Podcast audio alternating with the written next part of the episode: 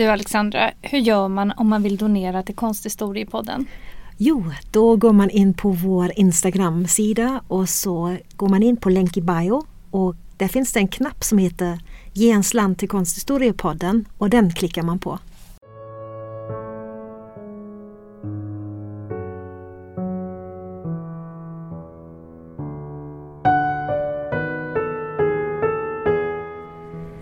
Hej och välkomna till Konsthistoriepodden. Jag heter Alexandra Frid. Och jag heter Alexandra Härlitz. Eh, idag har vi tagit oss till eh, Vatikanen och vi sitter just nu i Sixtinska kapellet. Och vi sitter precis under eh, bilden som Michelangelo har målat eh, där Adam och Eva blir förvisade från paradiset. Det är väldigt få människor här. Eh, klockan är strax efter nio. Vi eh, eh, får prata väldigt tyst. Eh, vi får inte heller filma därför att det här är ju en helig plats som vi befinner oss på. Ja, precis. Och vi sitter här och pratar väldigt tyst med våra små mikrofoner. Och man hör det kanske i bakgrunden, eh, ljudet. Det är väldigt lågmält.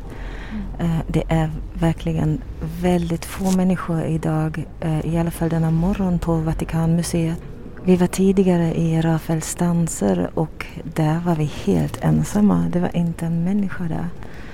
Och nu i den här salen, sist jag var här så hörde man ju hela tiden hur de här vakterna sa silencio för att folk lät så mycket. Ja, precis. Men nu är det verkligen väldigt tyst här. Och man ser verkligen nu också det som finns längst nere i denna sal som verkligen tar andan ur en. Under de här um, figurativa målningarna på väggarna och mm. uh, i taket så finns det ju de här uh, illusoriskt målade draperier Just. där man verkligen ser hur uh, fina de är målade, de här väckfallen och det är fantastiskt hur den är de här tygerna målas och hur de faller. Ja, och mellan draperierna så finns det då illusionistiska pilastrar. Och när ögonen vandrar högre upp då längs långsidorna så är det olika panelkompositioner, eh, alltså freskmåleri av olika eh, renässanskonstnärer. Olika scener från Jesu liv. Precis. Och sen då när vi tar oss ännu mer högre upp i rummet så ser vi eh, Michelangelos takmålning.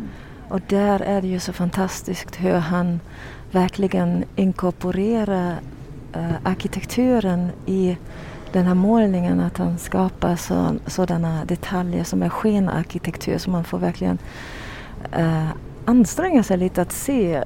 Det är ju ganska långt uppe så, ja. man, så man, eh, man får ju verkligen intrycket att mycket av det som är målad arkitektur att det egentligen eh, det ser ut som att det är på riktigt. Ja, det är, det är faktiskt det är som en 3D-effekt nästan. Det är helt, ja.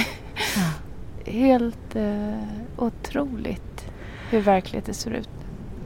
Sen eh, när man tittar precis framför oss då har vi alltså eh, domedagen av Michelangelo. Ja, just det, på kortsidan. På kortsidan, precis. Mm. Och då jag tror när jag, läste, när jag började läsa konstvetenskap då i många böcker så fanns det ju de här väldigt mörka illustrationer av denna, denna målning. Det var väldigt svart nästan. Ja, nästan svart och ingen alls färgglädje. Den var ju verkligen väldigt mörk innan mm. den restaurerades och nu ser man ju de här klara färgerna, verkligen så som i hans målningar som eh, Tondo Doni där man verkligen ser den här, ja, det är klara färger och mm. väldigt fina. Innan 90-talet så uppfattade man eh, Michelangelo som en målare som använde de här dova färgerna. Man visste ju inte riktigt hur de här såg ut innan man hade restaurerat dem. Och jag kommer ihåg att eh, min professor, eh, professor James Saslow, eh, som har skrivit om just Michelangelo, han berättade att eh, när man avtäckte, man visade, började, när, när, man var färdig med restaureringen så, så var folk eh, väldigt chockade över hur starka färgerna var och eh, att man ibland till och med ansåg att det nästan såg osmakligt ut eftersom man associerade renässansmåleri just med de här dova pastellfärgerna. Ja, och det här är ju precis tvärt emot.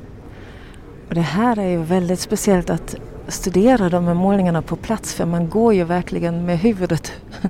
Man lägger ju liksom huvudet i nacken hela tiden. Och jag tror också att så konstvetare som Heinrich Wölflin har kommenterat ja. att det är väldigt jobbigt att, att gå i Sixtinska kapellet och hela tiden titta uppåt. Ja. Det är ju mycket mer eh, angenämt att sitta och studera de här målningarna i en bok på bordet.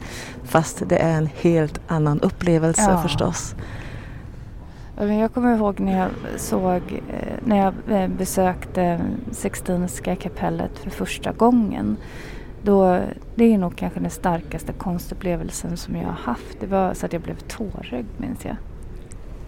Nej men det, jag tycker det här är, det, takmålningen här är så intressant på många sätt. Därför att, eh, man hävdar ju att det är Michelangelo som har målat allting i taket. Mm. Intressant.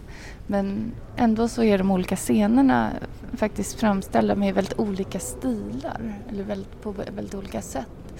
Eh, vad som är intressant är ju att till exempel i den bilden när Eva skapas så ser hon ju helt annorlunda ut än när hon till exempel blir förvisad från paradiset eller hon blir bjuden den eh, förbjudna frukten. Mm. Nu tror jag att vi får tillsägelse. Yes. Nu fick vi precis tillsägelse, eller de kom och frågade varför vi spelade in och vem vi pratade med. Just det. Ja. Det var uppenbarligen ändå tillåtet att spela in ljud i alla fall. Ja.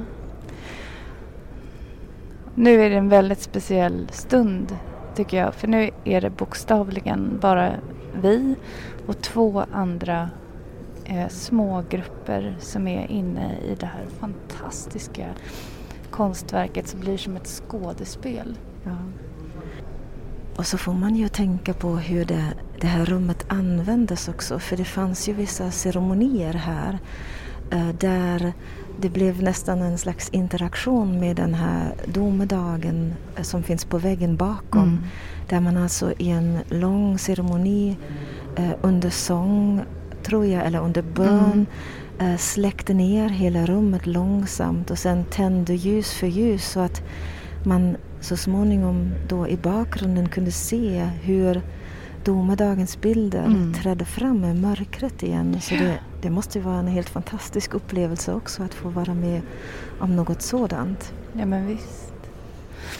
Eh, vi får nog tänka oss eh, både renässansen och medeltiden som, som, en, eh, som, som en väldigt Alltså just med kyrkan och att de hade ju som funktion att eh, berätta historien och förmedla eh, det bibliska, det kristna budskapet. Och det gjorde man faktiskt på ett ganska innovativt sätt. Ja. Men hur såg de här, den här ljusställningen ut som du pratar om här eh, inför yttersta domen? Jo, den, eh, den, man ser ju där i domedagen de här uh, formationer av olika grupperingar där och jag tror faktiskt att ljusen var uppställda så att de syntes där mot de här delarna som är moln. Eller inte molnhimmel mm. men jag, den, den är blåa bakgrunden. Jag tror att, att man såg ljusen mot dem. Att de inte mm. liksom skymtade vyn mot figurgrupperna. För det är ju väldigt en, en väldigt intressant komposition annars ja. också. För att man har ju verkligen de här lösryckta grupperna med figurer och, och partier där det verkligen bara finns himmel emellan. Mm. Nej, det är verkligen helt, helt otroligt.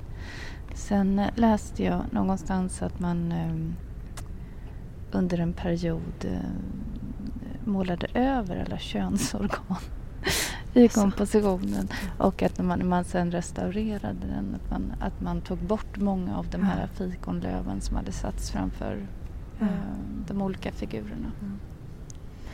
Nu tycker jag nästan att vi måste avsluta samtalet så vi får se och gå runt här lite när det inte är någon här i salen. Mm. Det är så fantastiskt. Det, nu måste vi verkligen titta lite mer. Ja, det måste vi. Hej då! Tack för oss. Hej då.